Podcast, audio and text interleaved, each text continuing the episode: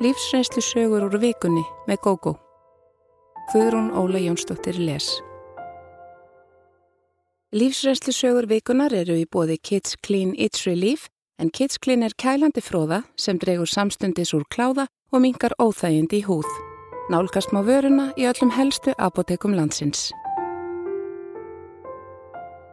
Feimna bekkjasistirinn Á unglingsárunum reyndi ég að vingast við bekkjasistur mína sem mér fannst vera svo litið afskipt án þess þó að hún væri lögði einelti.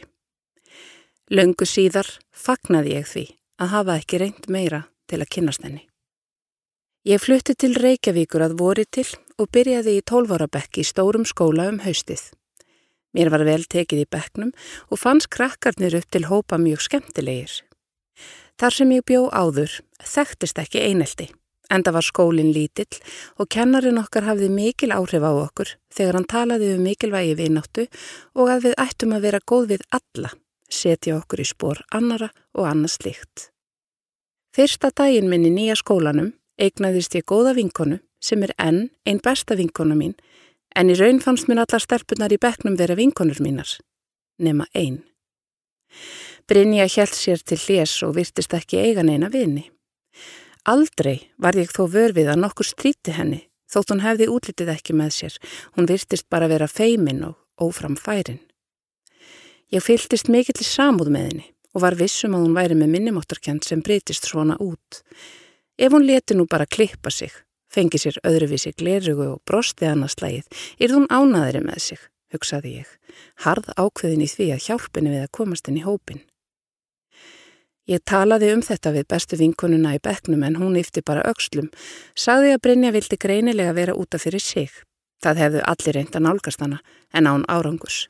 Brynja kemi aldrei á bekkaskemtanir og mætti ekki afmæli, þóttinu veri alltaf bóðið. Vinkona mín held að hún ætti líklega stránga foreldra sem skýrði þetta eitt hvað. Kanski fengi hún aldrei að fara eitt eða neitt eftir skóla. Ég vorkend henni enn meira eftir að ég heyrði þetta. Ég byrjaði að spjalla við hana í fríminútonum en hún forðaði sér yfirleitt í burtu fljótlega. Ekki síst ef fleiri bættust í hópin, var greinilega mjög feimin. Eitt daginn ákvaði ég að bjóða henni með mér heim eftir skóla en hún þáði það ekki. Sagðist þurfa að fara setnipartin og samkomi hjá kristilegum skólasamtökum sem hún væri í. Þarna fyrst sá ég augu hennar ljóma svo litið en samt var hún skrítin eins og hálf flótalega svip. Ég uppveðraðist öll og spurði hana út í félagið en fátt var um svör. Hún bauð mér allavega ekki að koma með sér og ég kunni ekki við að spurja hvort ég mætti koma. Mér fannst hún eiginlega ekki bjóða upp á það að ég gerði það.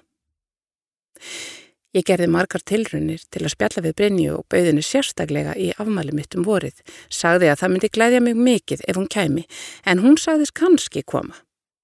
Hún mætti ekki sem kom mér í raun lítið á óvart. Upp úr því gafst ég smám saman upp á því að reyna að draga hana út úr skelinni en spjallaði þó alltaf annars lægið við hana. Hún gaf lítið af sér og ég áttaði mig á því að hún ítti fólki viljandi frá sér og vildi fá að vera í friði. Við vorum saman í bekk fram að landsprófi. Ég held áfram námi og fór í mentaskóla en vissi ekkert hvað varðum Brynju, frekar en hinnir í bekknum. Það var eins og hún lifði í öðru sólkerfi, svo fjarlag var hún. Á háskóla árunum kynntist ég manninu mínum, sem reyndist vera náfrændi Brynju. Þau voru sistra börn en lítið sem ekkert samband var á milli fjölskyldu hennar og allra hinna. Sistri tengdamömmu, mamma Brynju, hafði kynst manni úr sér trúarsöfnuði og frelsast. Við það reyndi hún að slíta á öll samskipti við fjölskylduna þar sem hún hefði eignast nýja fjölskyldu en sistir hennar leta hann ekki komast upp með það. Þannig að það var alltaf eitthvað smá samband millir þeirra sistra, mömmu Brynju og tengdamömmu, en yfirleitt sá fjölskyldan þá frelsuðu aðeins ef einhver dó, þá mættu þeir við jarðarfarir.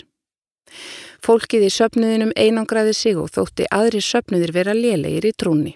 Fráskildir, samkynhegðir, trúlausir, allt hróðalegir syndarar sem færu beint til helvítis, eiginlega nánast allir, nema meðlimir þessa sapnaðar ef marka mátti orð tengdamömmu. Það var því ekkert skrítið þótt Brynja hefði verið óráleg þegar ég reyndi að vingast við hana. Hún hlýtur að hafa litið á mig sem útsendara anskotans að reyna að spilla henni. Ef mig hefði grunað þetta, hefði hún fengið frið fyrir mér, en eina félagslíf hennar fólst líklega í því að fara á samkomur hjá kristilegu skólasamtökunum fyrir utan samkomur hjá eigin söpniði. Maðurinn minn talaði um að ef börn væru strax heilaþegin með svona löguðu, væruðu ekkert endilega óhamingisum þóttu fengju ekki að gera það sama á önnur börn. Brynja hefði aldrei virkað óhamingisum í hans augum í þau fáu skipti sem hann hitt hana. Hún var kornung þegar hún giftist jafnaldra sínum úr söpniðinum og þau fóru strax í að fjölga mannkininu. Brynja frikkaði mikið með aldrinum en úlingsárin sína mann sjálfnast í manns fallegasta ljósi, útlitslega sétt. Ég ætlaði varla að þekkja Brynju á mynd heima hjá tengdamömmu, þar sem hún var orðin fullorðin. Næstum aldarfjörðungi eftir að ég hitti Brynju fyrst var ég gerða deildarstjóra stórar deildar í fyrirtækinu mínu. Hátt í 40 manns unnuðar. Síðustu árin hafði ég verið aðstóðar deildarstjóri og þegar yfirmaður minn hætti var ég beðinum að taka við. Afar elskulegt fólk vann á þessum vinnustad og ég hlakkaði til á hverju morgni að fara í vinnuna. Nánasti samstarfsmaður minn á þessum tíma var samkynhegður maður sem skiptir auðvitað engu máli nema vegna þess sem síðar gerðist. Baráta hans og félaga hans fyrir mannréttindum hafði skilað góðum árangri og þarna hafði ég mætt á tvær eða þrjár gleðigöngur. Nú var stutt í næstu gleðigöngu og í bladi eða tímariti hafði byrst stutt viðtal við þennan vinn minn en þar kom fram starfseiti og vinnustadur. Nokkrum dögum setna, þegar ég mætti til vinnu, sá ég að hann var í miklu uppnámi. Honum hafði borist bref sem hann síndi mér. Ég las brefið og blöskraði viðbjóðurinn sem þar var ritaður en í nafni Guðs var vini mínum formælt á allan hátt fyrir kynneið sína. Alls konar tilvitnanir í biblíuna voru notaðar svíverðingunum til stuðnings. Brefið var ekki naflust og ég kannadist við nafnið sem stóðu neðst í því, enda ekki svo algengt. Brefritarinn var pappi Brynju, gömlu skólasistur minnar, og hann skrifaði brefið fyrir handsapnaðurins sem Brynja tilherði. Ég bað vinn minn að taka þetta ekki næri sér. Ég þekkti til þessa fólks, hefði verið í skóla með dóttur þessa manns og hún væri skild manninu mínum. Þetta væri lítill sértrúarsöfnuður sem virtist hatast við allt og alla sem ekki væri þeim þóknanlegt.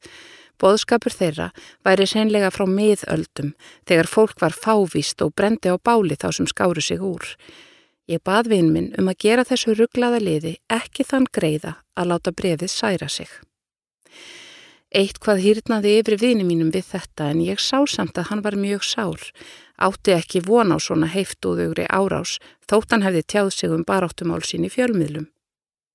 Fleiri í vinnunni frettu af brefinu og síndu honum mikinn stöðning og vinarhug sem glatti hann mikill. Þegar ég kom heim eftir vinnu sagði ég manninu mínum frá þessu og var öskur reið.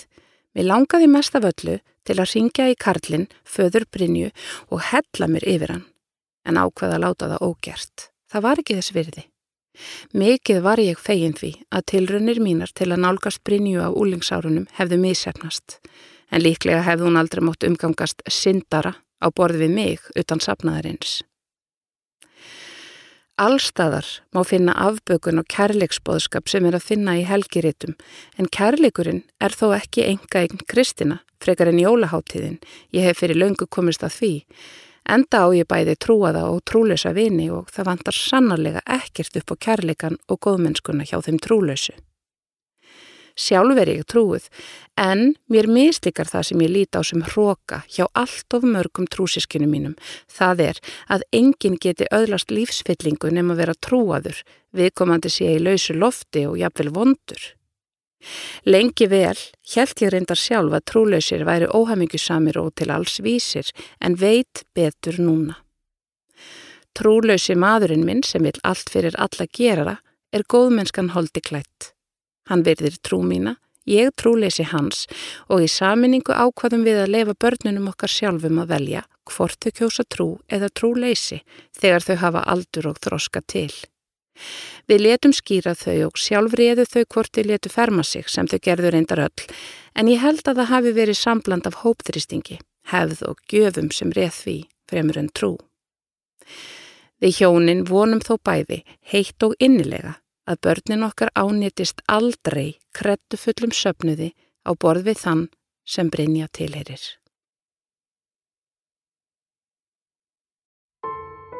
Húsið Við hjónin legðum um tíma lítið hús úti á landi sem stóð svo litið sér. Okkur leið svo litið skringilega þar og þegar ég komst til bossið því sem var í gangi og tækifæri gafst, greip ég til minna ráða. Við fluttum í húsið, eitt fallegan sumardag þegar allt var í blóma. Maðurinn minn óg búslóðin í sendiferðabíl sem við fengum lánaðan og börnin okkar tvö fenguð að fljóta með honum því það var svo spennandi að keira í svona stórum bíl. Ég kom á eftir þeim á heimilisbílnum og var með köttin í búri í framsætinu, brandgamla sem var komin á efri ár en samt ósköpsbrækur. Við vorum snögg að koma okkur fyrir, áttum ekki stóra búslóð en það höfðum við búið frekar þröngt í bænum. Þó túsið væri ekki stórt, var það samt mun rúmbetra en gamla íbúðin okkar og var að auki á tveimur hæðum.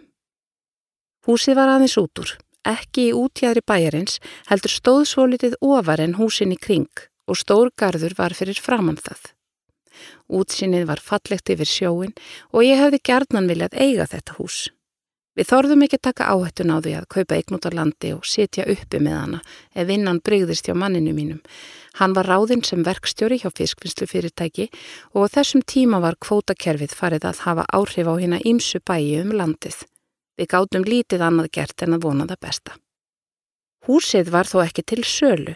Konan sem átti það var búsett á dvalarheimili aldraðra á staðnum en tengdadóttir hennar legði okkur það með leifi eigandans. Í gömlum timburhúsum eins og þessu má oft heyra brak og bresti. Það vissi ég, en það hafði ég alist upp í timburhúsi. Ég hafði því skýringar fyrir börnin þegar þau töluðu um högg og háfaða sem þau heyrðu þegar þau væru að fara að sofa. Ég sagði þeim að húsi væri, eins og við, að búa sig undir að fara að sofa. Stígin þyrti að rétta úr sér aftur eftir að þau hefðu hlaupið upp og niður hann allan daginn og annaði þeim dúr. Þau voru þó ekki alveg samferð og það eldra saðist halda að það væri öruglega draugagangur hjá okkur. Ég hló bara og sagði þeim að það væri ekki til draugar.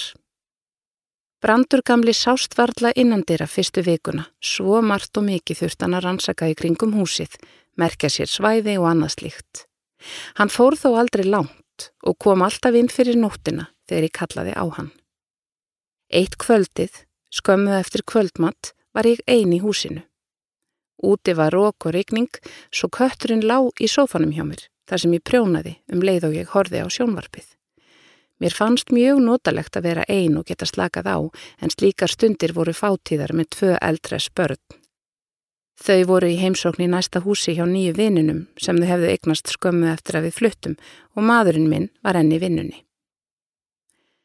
Allt í einu reys brandur upp og starði í áttina að dyrunum en í gegnum gættina mátti sjá útidirahurðina. Hárin risu á honum, hann kvæsti og virtist óurugur. Ég vissi ekki hvaðan á mig stóð veðrið, stóð upp og aðtugaði hvort einhver væri frammi. Ég opnaði líka útidirnar en enginn stóð úti á tröppunum, svo ég gekk aftur inn í stofu. Brandur kvæsti enn og horfi á eitthvað fyrir aftan mig sem ég sá ekki.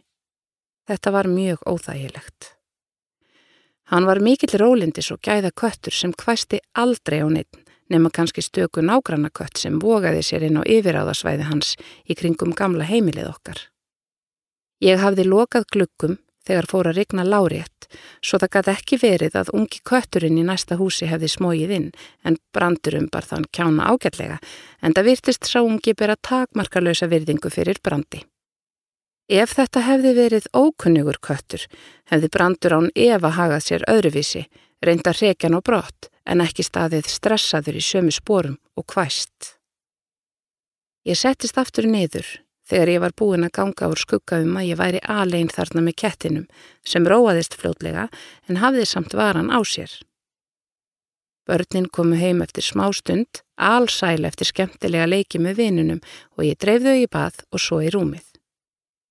Þegar maðurinn minn kom heim, sagði ég honum frá hegðan brands en hvorugt okkar hafði nokkra skýringu á þessu. Svo bara glimti ég þessu í byli. Brandur hvæsti svona út í loftið nokkrum sinnum í viðbót. En ég varð samt ekki jafn órólega þegar hann gerði þetta í fyrsta sinn. Þótt ég fyndi enga skinsamlega skýringu á þessu, fann ég heldur enga óskinsamlega, svo ég vandist þessu bara og nefndi ekki að gera veður út af þessu. Kanski var brandur bara komin með elliglöp. Eitt daginn spurði dóttir mín mig hvaða gamli maður hefði staðið á tröppunum og farið inn í húsið rétt áður en hún kom heim. Henni fannst skrítið að hann hafi hverki verið sjáanlegur þegar hún kom inn. Ég sagði henni að hún hliti að hafa séð offsjónir, en hún gaf sig ekki. Hún sá þennan mann. Ég fór að verða vör við sitt af hverju undarlegt. Útýttir að hurðin opnaðist harkalega, tvísvarið að þrísvarað sjálfu sér og það í blanka logni. Það heyrðust greinilega högsum kvöld. Þetta var ekkert eðlilegt braki gömlu húsi. En ég þróskaðist samt við að halda að þetta væri eitthvað yfirnáttúrlegt. Eitt kvöldið spjallaði ég þó um þetta við mannin minn. Hann sagðist ætla að spyrjast fyrir um sögu húsins með honum inn í kona sem þekkti allt og alla. Hún væri meira segja þekkt á staðinum fyrir að sjá lengra en ef hennar næði. Hún væri öruglega réttamanniskjan til að tala við. Maðurinn minn satt ekki við orðin tóm, heldur talaði við konuna strax næsta morgun. Hann bauðin í heimsók til okkar um kvöldið, hún vildi endilega upplifa orkuna í húsinu. Þegar börnin voru komin upp í rúmum kvöldið kom konan. Gerða var öðruvísi en ég hafi gert mér í hugarlund, hress og gladleg og mér líkaði samstundis vel við hana. Svo vel að við erum enn, mörgum árum setna, fínar vinkonur. Gerða sagðist finna mikla nærveru í húsinu og fannst löngu látin eiginmaður konunar sem átti húsið vera ástæðan fyrir ónæðinu. Hann virtist óhress með að ókunnugt fólk byggi í því. Ég sagði henni að dóttur mín hefði einmitt séð gamlan mann fara inn í húsið og það kominni ekkert á óvart. Gerða sagðist vera í bænasing og hún myndi láta byggja fyrir manninum þar næsta sunnudagskvöld þegar hópurinn hittist. Hún vonaði að það degði til að maðurinn fyndi loks frið. Því miður gerðist það ekki. Við heldum áfram að finna þessa nærveru sem mér fannst þó ekkert ofbastlega óþægileg, fannst bara leitt ef eitthvað var til í þessu öllu saman, ef við værum ekki velkomin í húsinu. Gerða sagði mér að þessi maður hefði verið sérlega reikin af gardinum sínum. Hann hefði ræktað kartöblur þar í einum hlutanum og blómi í öðrum. Hvorugt okkar hjóna hefur græna fingur svo við letum bara næja að slá grasið. Eftir að hafa búið í húsinu í hálft ár lést gamla konan, eigandi þess. Skömmu áður en hún var í örðuð, skaut hugmyndi kollin á mér. Ég sagði engum frá henni, heldur ákvaða framkama hana, jafnvel þótt mér fyndist hún hálft í hvoru klikkuð. Aðtöfnin átti að hefjast klukkan tvö. Ég mætti rétt áður og fekk mér sæti aftast. Þetta var mjög falleg jarðar fyrr. Þegar presturinn sagði okkur að byggja, laut ég höfði og byrjaði að tala í huganum við látnu konuna sem ég hafði aldrei hitt. Ég bað hann um að hjálpa mér við að fá ró í húsið, ef það væri maðurinn hennar sem fyndi ekki frið, hvort hún geti hjálpað honum yfir. Ekki slapp ég alveg óséð úr jarðarförinni því tengdadóttir konunar sá mig og þakkaði mér innilega fyrir að koma, þetta væri fallega gert af mér að hafa mætt. Ég fór ekki erfiðrykkuna sagðist ekki hafa tíma og dreif mig heim. Það var eins og við mannin mælt. Algjör friður komst á í húsinu okkar og ég fann það hreinlega á andrumsloftinu að eitthvað hafði breyst. Það var kannski ekki mjög óþægilegt áður en stundum svo litið þrúandi, ekki síst þegar kötturinn byrjaði að kvæsa. Við áttum heima í húsinu í fimm góð ár eða þar til maðurinn minn misti vinnuna á samt fleirum. Okkur leið svo vel þarna að við leituðum fyrir okkur með vinnu um allt og í nágrannabænum tókst okkur báðum að fá eitthvað að gera en við urðum að finna nýtt húsnæði og of langt er þið að keira til og frá vinnu svo við kvöttum gamla góða húsið. Elsku brandur okkar á gröfi sama horni og gamli kartublugarðurinn var. Þetta var í fyrsta og síðasta skiptið, enn sem komið er, sem ég hef upplifað svona nokkuð, en gerða hefur sagt mér margar sögur sem hafa fengið hárin á mér til að rýsa. Hún ein veit hvað ég gerði til að losna við þetta yfir náttúrulega ónæði.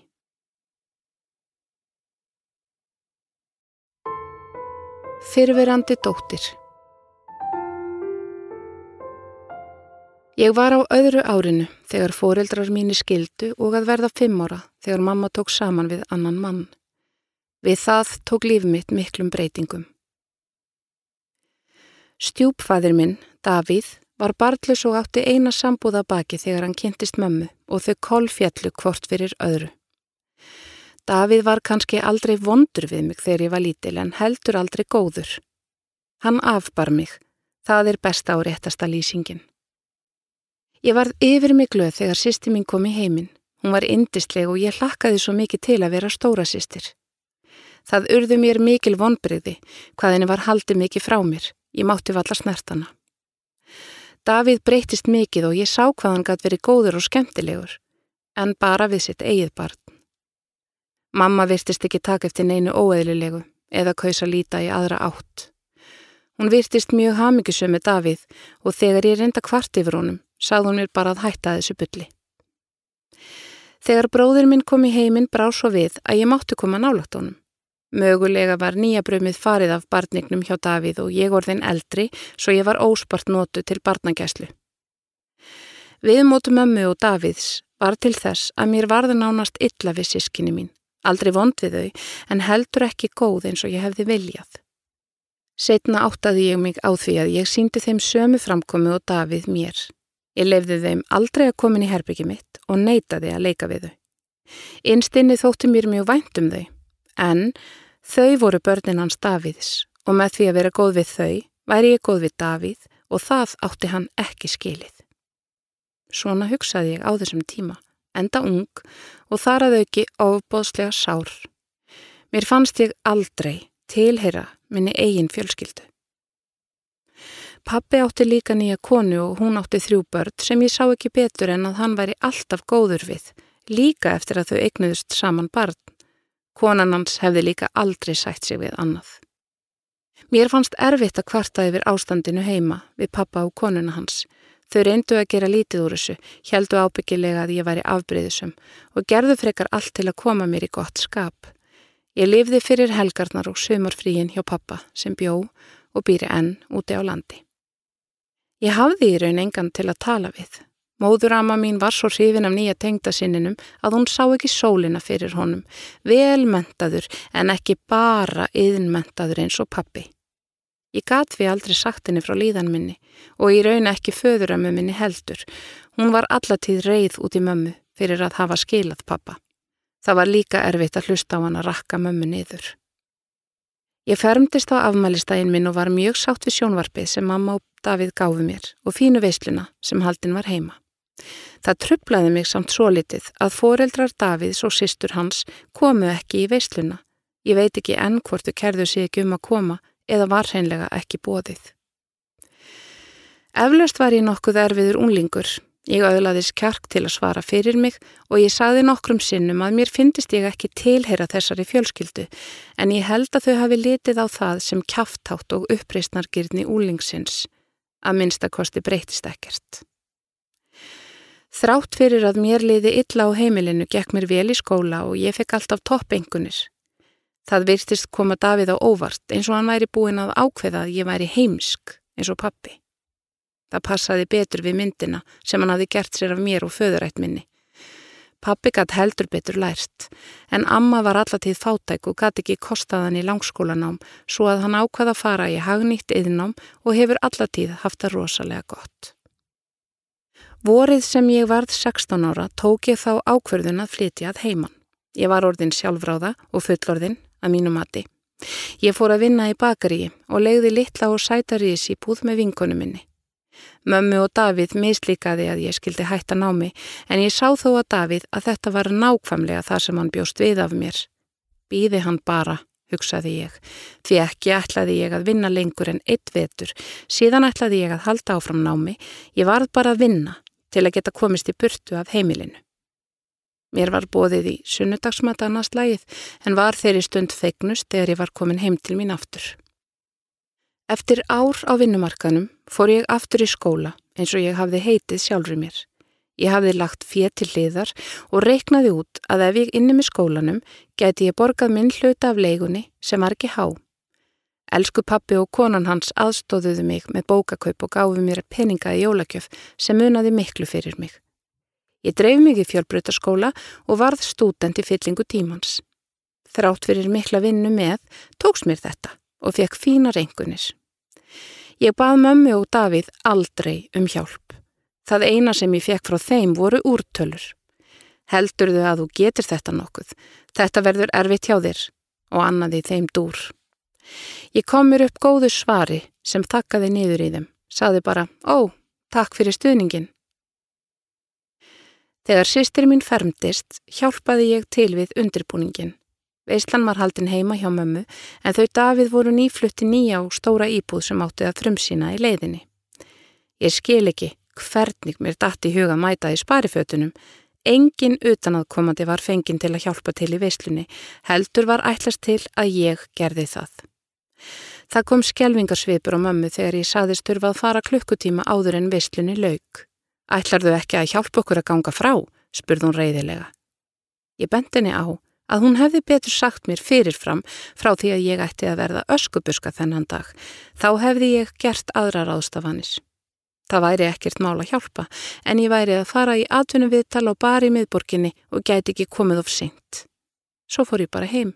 Það var ekkert atvinnum viðtal. Ég var bara ótrúlega sár og langaði ekki að vera þarna lengur. Mamma spurði mig aldrei hvort ég hefði fengið þessa vinnu og það var lýsandi fyrir samband okkar. Ég fór að vera með skólabróður mínum síðasta árið mitt í fjölbreytaskólanum og án þess að það hafi verið planað var ég ófrísk. Haustið sem ég hafði áætlað að hef ég námi í háskóla fættist sónur minn. Pappans let sér hverfa skömmu áður en hann fættist. Þegar ég sagði mömmu og Davíð að ég ætti von á barni, fekk ég engar hamingjóskir bara og hvað ætlar að gera? Ég sagði að ég myndi bjarga mér, þau þyrtu engar áhyggjur að hafa. Mamma og Davíð voru vissulega góð við són minn en ég sá setna þegar sýstir minn eignaðist són að þau voru allt öðruvísi við hann. Þá sá ég Davíð missa sín í krútlegheitunum við alvöru barnabarnið. Mamma hefur aldrei verið ömmuleg við strákin minn. Hún reyndi bara að alan upp og síða til. Þegar bróðir minn fermdist var haldin veistla, enn og aftur á heimili mömmu og stjúpa. Í þetta skipti aðstóðaði ég en tók ekki mál að sjá um allt eins og síðast. Ég var líka með sónin með mér og hann gæti ekki verið eftirlitslaus. Margar myndir voru teknar og þegar átti að taka mynd af öllum, eða stórfjölskyldinni, undir lókveislunar, fór ég inn á bað til að setja á mig varalitt. Ég sagði síni mínum að fara til ömmu sinnar, ég kæmi eftir augna blik. En þegar ég kom fram, kallaði Davíð, væriru til ég að taka Aron, það á að fara að taka fjölskyldumynd hérna. Ég trúði ekki mínum eigin eirum, en jú, öll fjölskyldan var mynduð. Mamma, sískinni mín, Davíð, amma mín, foreldrar Davíðs og sískinni hans á samt börnum þeirra en ekki var gert ráð fyrir mér og síni mínum. Ef mamma hefði átt sískinni hefðu þau verið með á samt afkomendum.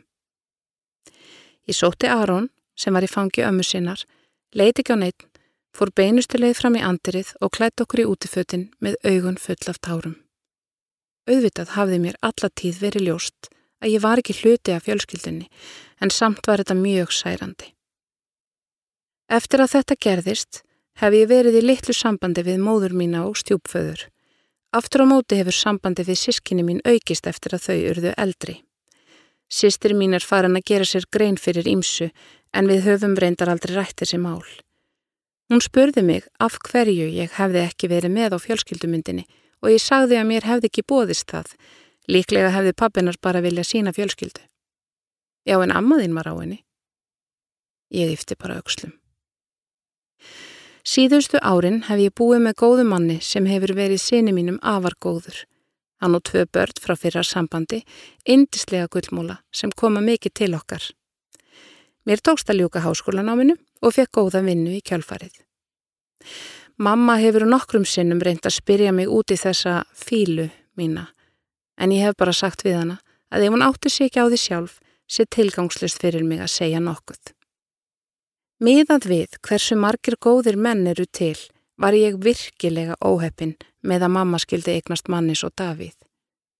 Ég er ekki lengur reyðið að sár, mér langar bara ekkert að eiga í yfirborskjöndum samskiptum við þau.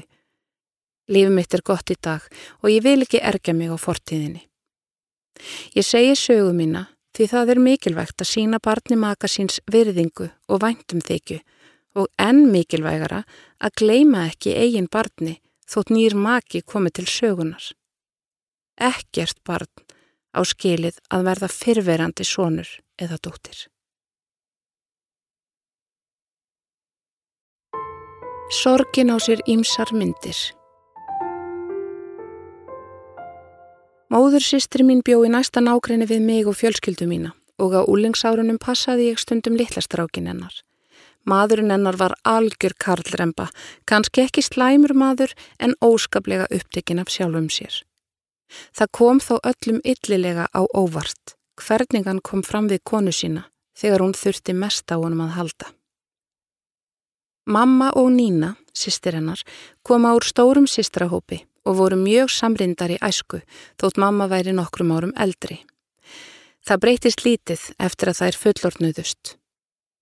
Þegar Nína hitti trösta, drauma prinsinn sinn og þau fóru að búa saman, glatti það mömmu mjög að þau skildu kaupa sér íbúð í næstu götu við okkur. Samgangur var mikill á milli. Nína var þó döglerið að koma yfir til okkar en eftir að strákurinn hennar og trösta fættist bað hún mig oft um að passa fyrir þau. Hún borgaði vel fyrir sem mér fannst ekki slæmt því þá gæti ég kipt mér plötur og sitt hvað fleira sem ég langaði í. Ekki fekk ég peninga frá foreldru mínum fyrir slíkum óþarfa. Ég var alltaf hálf smeg við trösta sem var jafn fjarlægur og lokaður og Nína var opin og elskuleg. Hann var aldrei vondur við neitt, virtist bara vera áhugalösum flest nema sjálfan sig og eigin þarfir. Hann var alltaf að vinna og þótt Nína væri í námi og vinnu með, hafði hann aldrei tíma til að sinna neinu á heimilinu og var aldrei til staðar til að vera með strákinsinn þegar Nína var upptikinn. Þegar trausti var heima, lokaði hann sig afinn á skrifstofunni sinni og vann þar. Ég gleimi ekki einu kvöldinu sem ég var fenginn til að passa fyrir þau og lýsir því vel hvernig trausti var. Nína og Trausti höfðu farið saman á ársóttíð og ég kom snemma til að passa, gaf drengnum að borða, leik við hann og svæfði síðan. Hann var í kringum þryggjára á sem tíma. Klukkan var rétt um 11 þegar Trausti kom heim og var einn á ferð. Hann var lítið fyrir mannfagnaði og ég vissi að Nína hefði nánast þurft að draga hann með sér á þessa ásóttíð. Henni tóks greinilega ekki að halda honum lengur en hefur sjálf ákveðið að skemta sér áfram með vinnufélögum sínum. Trausti tautaði góða kvöldi þegar hann kom og fór svo beintin á skrifstofuna sína. Ég var alveg ráðalus, vissi ekki hvort ég mætti fara heim eða ekki. Eftir hátti hálftíma herti ég upp hugan, bankaði hjá honum og spurði hvort mér var í óhætt að fara heim eða hvort hann vildi að ég passaði þar til Nína kemi. Trausti saði mér að fara heim en hann hafði enga hugsun á að borga mér, enda hafði frænka mín alltaf séð um það. Ég var svo uppurðarlítil að ég hefði ekki þórað að minnast á launina fyrrabræði og kunni svo aldrei við að rukka frængu mína. Nína frænga sá bókstaflega um alla hluti sem tengdust heimilinu og einning utan þess. Við grunar að það hafi verið auðveldar að gera þessa hluti sjálf en að fá trösta til að gera eitthvað á borð við að kaupa í matin eða að þrýfa, jafnvel fara með bílin á verkstæði. Hann var í sínum eigin heimi og stundum saði Nína okkur sniðugar sögur af honum eða hvað hann gætt verið innilega utan við sig. Hann tók í mist strætó til vinnu eða fór á bílum þeirra og það gerðist nokkrum sinnum að hann fór keirandi en komi strætó heim. Þegar Nína veiktist alvarlega af sjúkdómi var það okkur öllum í kringum hana mikið áfall. Við gerðum okkar besta til að létta henni lífið. Mamma tók sonunar, litla frend okkar, nánast að sér og hún og sýstur hennar skiptust á að vera hjá henni þegar hún lág heima. Nína var einnig hluti af stórum samrindum vinkvennahópi og þær skiptuð því með sér að heimsækja hann á sinninni. Meðal þess sem þar gerðu var að greiða Nínu, naglalakka og hafa hana til. Einn þeirra er nuttari og kom oft eða Nína lág á spítala til að hjálpina slaka á og líða betur. Trausti stóð sannarlega ekki undir nafni sem eiginmaður. Á þessum tíma var hann að vinna að stóru verkefni í vinnunni sem var gott tækifæri fyrir hann. Þar var hann í nánu samstarfi við konu og ekki leið og löngu þar til við heyrðum utan af okkur að hann ætti í ástarsambandi við hana. Fljótlega hætti Trausti algerlega að leina því að hann hefði leitað sér hugunar út í bæ og við vorum öll með lífið í lúkunum að Nína kæmi staðið þessu. Það hefði sært hann að djúpu sári og hún stríti við nósamt. Óttin um litla drengin og hvernig honum reyti af án hennar var nægur fyrir þótt ekki bætti stofan á að sjá fram á að einhver stjúpa væri þegar inn í myndinni. Ef ég á að sína trausta sangirtni er ég vissum að hann gekk á nefa í gegnum mikla vanlíðan eins og við öll, en það braust út á þennan hátt. Undir það síðasta hætti hann nánast að totla nema nokkrar mínútur í einu inni á sjúkrastofin nínu og leitt þar bara við í mýflugu mynd af og til. Ef hún var sofandi og einhver hjá henni fór hann fljótlega. Hann vildi ekki að hún erði vakin og saðist sjá að hún væri í góðum höndum. Við fjölskyldan og vinkonur hennar sátum hjá henni til skiptis allan sólarhingin og mikið var ömurlegt að líta út um glukka sjúkrastofunar og sjá að viðhaldið beigð eftir trösta úti í bíl meðan hann skrappi sínar ör heimsóknir til konu sinnar. Ein vinkona Nínu var svo reið þegar hún gekk fram hjá bílnum eitt sinn á leiðin á spítalan að hún síndi konunni fingurinn en hún let sem hún sæði það ekki.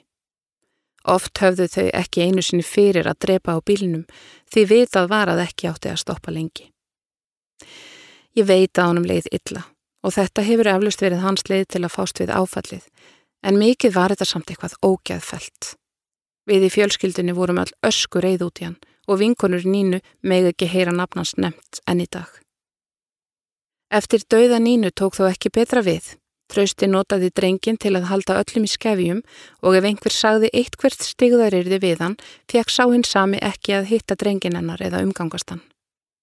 Nýja konan flutti fljótlega inn til þeirra og tæpu ári eftir að Nína dó, giftuðu sig. Trausti kom eins fram við nýju konuna eins og Nínu en þessi kona var ekki á því að gerast þjónustustúlka einhvers manns. Hún gerði honum ljóst að hún væri eitningi vinnu og heimili sameigileg ábyrð þeirra begja en það reyndist erfitt að kenna gömlum hundi að sitja.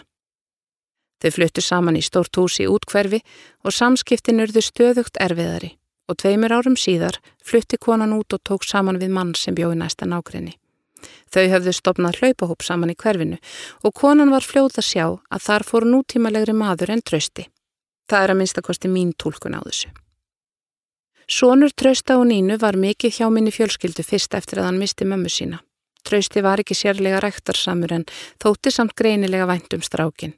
Hann ætlaðist þó til mikil safunum og það var strángur ægi á heimilinu. Drengurinn sótti því hlýju til okkar og þar fekk hann að vera barn. Við fengum alltaf af og til frettir af trösta sem lifði fremur skrítnu lífi fyrstu árin eftir dauða nínu. Nú hefur trösti verið giftur sömu konunni í meira en tíu ár en ég hef ekki tölu á þeim fjölda hvenna sem hann bjóð með fram að því. Ég dæmd hann hart lengi vel en á síðustu árum hef ég átta mig á því að vissulega er möguleiki á að hann hafi ekki verið alveg jafn sjálfhverfur og eigingjarn eins og mér virtist. Honum gæti hafa liðið hræðilega en ekki kunna neina aðra leið til að sefa sásökan en þá að finna sér huggun hjá annari konu. Við erum líka öll meira og minna mótuð af uppeldi okkar. Trausti var engabarn og ég veit að á æskuheimili hans var móðir hans eins og þjónustustúlka og gekk æfinlega undir honum og pappans. Förðulega flugfræjan Bróðir minn var mjög ástfangin af konu sem starfaði sem flugfræja og þau voru saman í nokkur ár. Við fjölskyldan vorum líka mjög hrifin af henni en það átti eftir að breytast.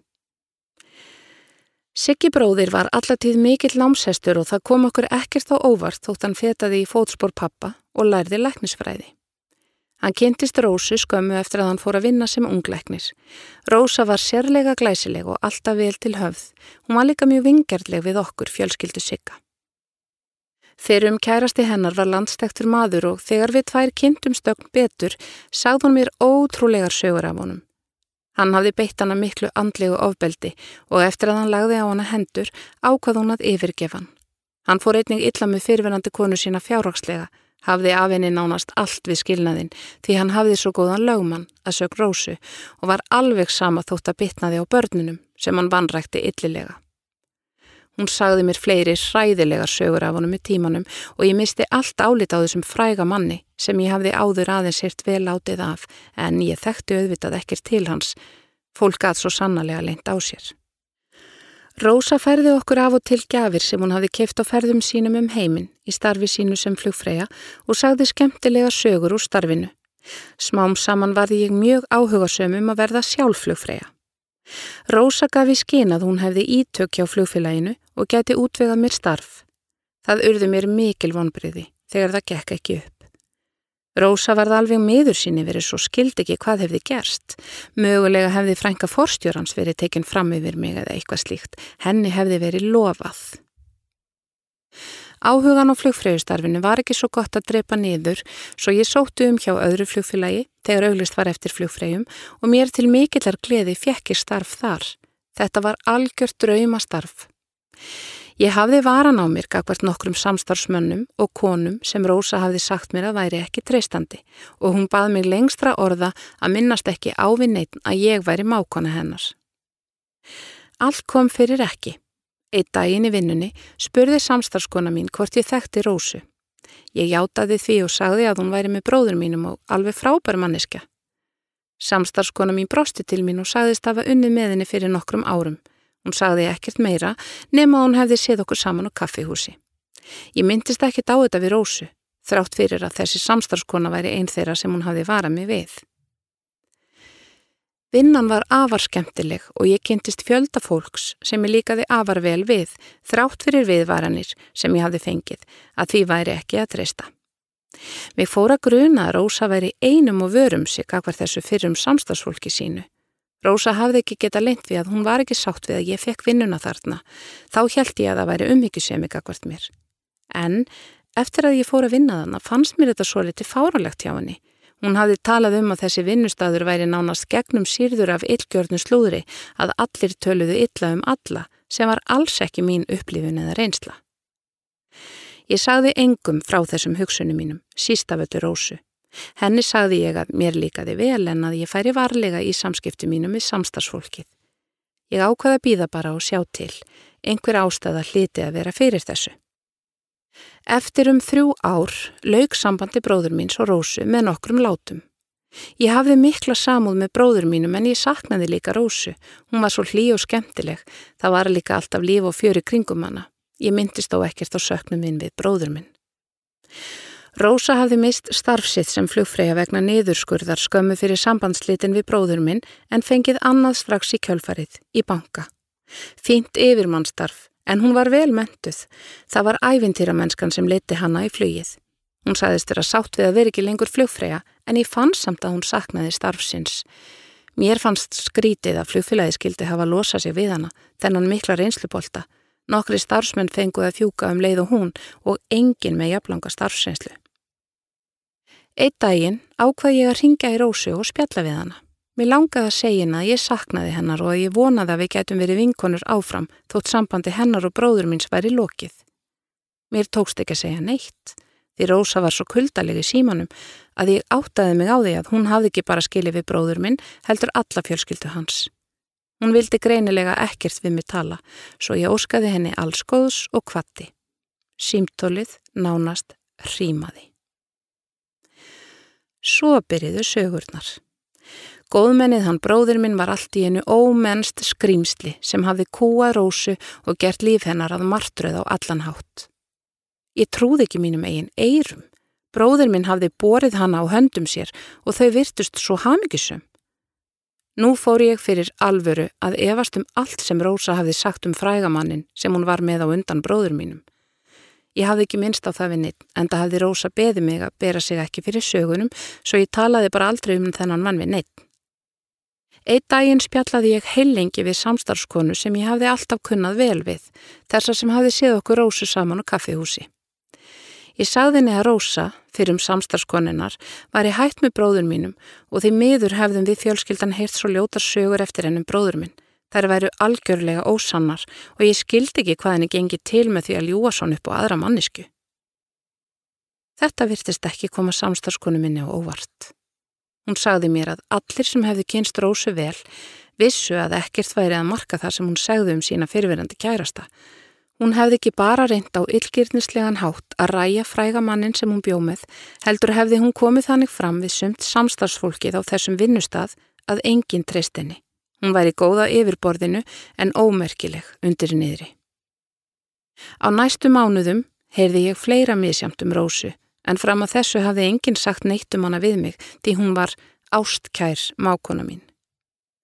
Ég komst meira að segja að því að hún hefði líklega eðilagt fyrir mér möguleikana við að fá vinnu sem flugfræja á þáverandi vinnustæðinar. Þótt allir þekki ekki alla í þessum bransa er hann samt lítill í sjálfu sér og af því að maður þekkti mann sem þekkti mann komst ég að þessu. Ég var ekki bara miður mín yfir sviksemi og legum rósu, heldur einnig því hversu blind við höfðum öll verið á hana. Það komir ekkert voðalega á óvart þegar ég frétti að hún væri farin að vera með manni í bankanum, einhverjum stjóra þar sem hafði skilið við konu sína til að taka saman við hana. Kanski var hann ástæða þess að Rósa og bróður minn hættu saman. Ég mætti Rósu nokkrum sinnum á götu næstu árin og þótt ég efist um að hún hefði heilsa mér, horfi ég í gegnum hana, let sem ég sæja hann ekki. Hún er enn með bankamanninum og eignaðist barn með honum. Bróðir minn jafnaði sig sem betur fer fljótt eftir skilnaðin við Rósu en það tók hann þó langan tíma að fyrirgefinni það hvernig hún talaði um hann og laug upp á hann ljótum hlutum.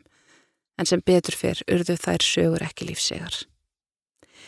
Ég hamaðist líka við að leiðrætta sögurnar um hann og líka frægamannin sem Rósa hafi rakkað svo niður. Þær sögur voru mun skadlegri en sögurnar um bróður minn og ef ég heyrði einhver tala illa um þennan þekta mann gati ég ekki stilt mig um að segja frá Rósu þó án þess að nefna nafn hennar og að ég vissi af reynslu að ekki væri mikið að marka það sem fyrir um kærasta þessa manns segði um sína fyrverandi.